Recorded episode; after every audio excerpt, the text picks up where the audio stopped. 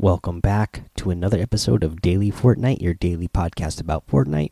I'm your host, Mikey, aka Mike Daddy, aka Magnificent Mikey. Let's get into a little bit of news here. Uh, game recognized game drop in tomorrow. Fortnite and Air Jordan uh, mashup here. Very excited about this. So, I'm a big Michael Jordan fan, my favorite basketball player of all time, the best basketball player of all time. Don't at me.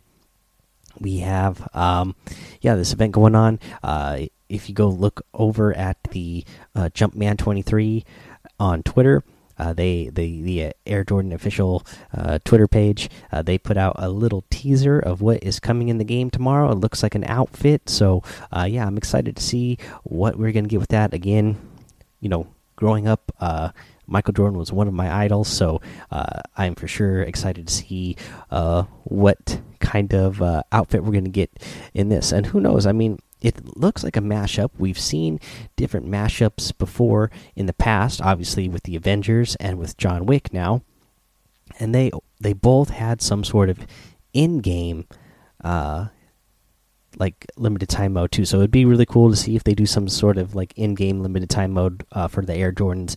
You know, they because we do have basketballs in the game. That's one of the toys you can play with. So maybe they'll do some sort of LTM. That'd be cool if they do something like that. I don't know if that's what they're gonna do. Uh, either way, I'm excited just for uh, whatever outfit we're to get. And they should be dropping tomorrow morning uh, when we get the new update, is what uh, I have been reading.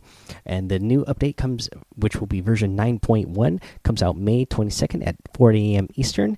Uh, Fortnite did put on their Twitter account that expect extended downtime. So that tells me this is going to be a big patch, guys. Uh, if they're you know warning us ahead of time that the downtime is going to be a little bit longer than normal uh, that tells me that it is a big patch so I'm, I'm expecting to see some big changes coming i'm hoping that means that there's a lot of these bug fix bug fixes and issues uh, that needed uh, addressed are going to be addressed in this one We'll see. I'm sure uh, we will get the vehicles back in arena and the World Cup mode now. I'm sure that's something they worked on, uh, but I can't wait to see what else they've worked on. And uh, yeah, that'll be dropping tomorrow morning, and I'll definitely be uh, checking that out. I don't know if I'll get the episode before I have to get to work, but uh, we will bring you the patch notes tomorrow for sure. Let's see here. So for this week, you know, week one we had a secret battle star. Week two, normally you get a secret banner. We don't have that. So do we have a secret star? No. This week it's a Fortbyte. So if you get all your week two challenges done, you get the clue in the loading screen. Actually, let me go ahead and pull that uh, loading screen up. Uh, it is the loading screen uh, that has the new outfits, ether, and uh, ether, and what was the girl's name? I I bought it and I can't even remember the name anyway, it's got the two new outfits that came out the other day. Oh, Ether and Versa. So uh, it's got them in it, and then the the clue tells you to go to the uh, to the Dino Museum, and the Dino Museum is located in I nine, and uh, there there is a little shack there, and then behind that shack there's a porta potty, and that is where the Fortbyte is gonna be. Uh, so that's that's what we got this week was the loading screen giving you giving you a clue to where uh, one of the Fortbytes is. Uh, I don't know how I, how I feel about that. I mean, the Fortbytes are really cool. I would prefer you know a secret star that gets you a tier uh, i mean that's why i love the secret battle stars and then even the banners it's nice to have a, another little thing but i don't know what kind of re reward we're going to get if once you get all 100 of the, uh, of the Fortbytes so it could be something really cool uh, so at least this helps you get another Fortbyte. All right, there we go with that, guys. Uh, we're to go ahead, take a little break here. Then we will come back and go over the item shop and our tip of the day.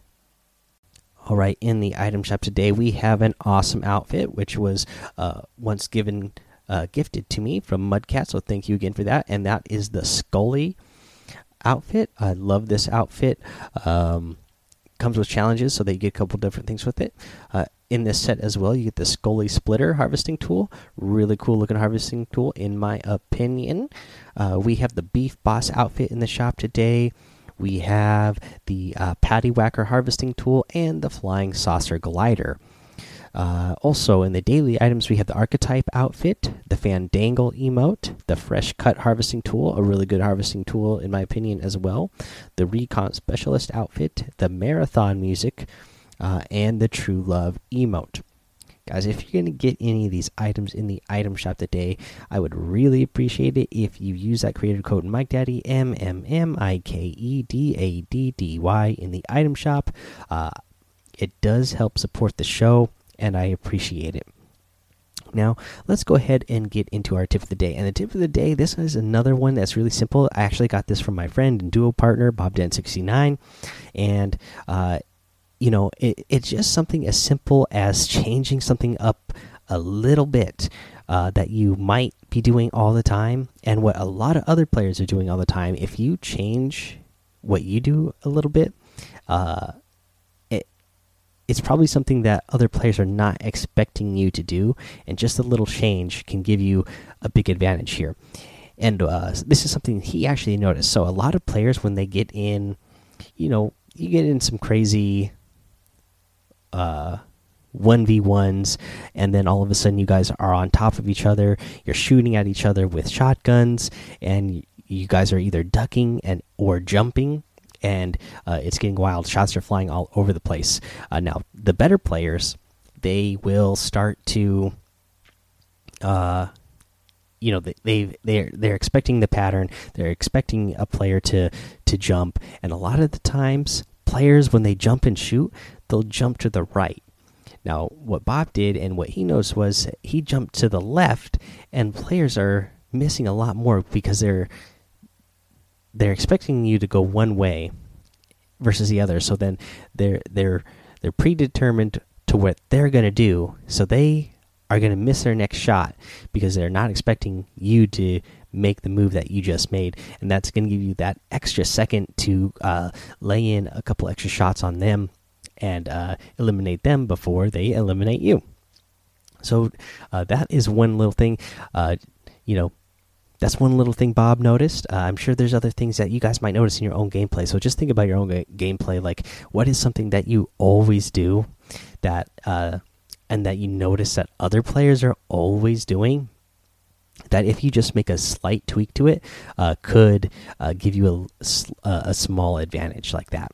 Alrighty, guys, that is our episode today. So head over to that daily Fortnite Discord.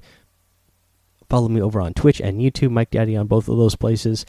Um, head over to Apple Podcasts, leave a five star rating and a written review for a shout out on the show. Subscribe so you don't miss an episode. And until next time, have fun, be safe, and don't get lost in the storm.